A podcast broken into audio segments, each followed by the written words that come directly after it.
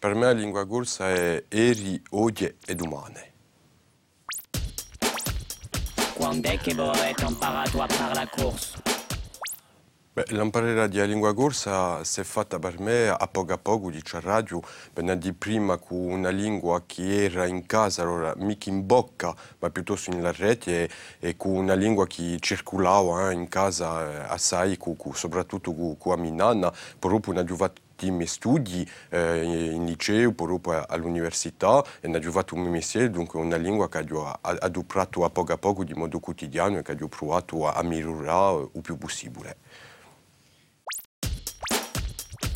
Quando la dublate a lingua corsa?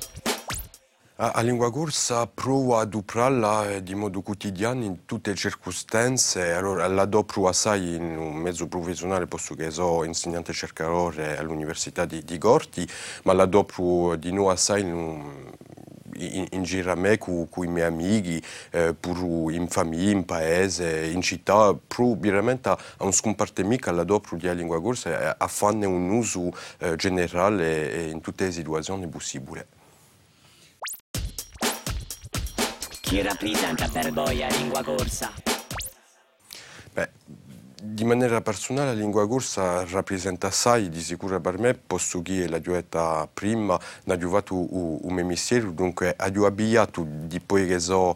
eh, adolescente tutto il mio percorso, tutto il mio pensamento in giro a questa lingua, ho fatto la mia vita, ho costruito la mia vita sociale, professionale, eh, pure politica, la mia maniera di, di pensare, in giro a ciò che la Puglia porta la lingua corsa e a ciò che di modo assai assai modesto la Puglia porta io.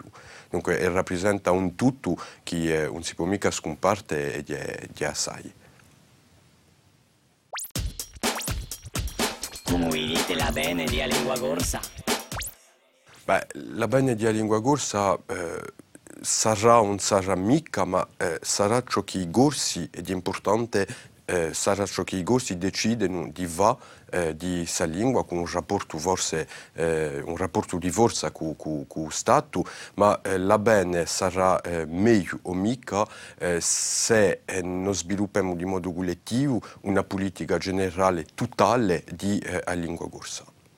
Una lingua, questa sia lingua, è dappertutto nella società, ben di che se non vogliamo sviluppare la lingua corsa, da voler capire bene che la politica deve toccare ogni dominio di lingua, ogni dominio di società.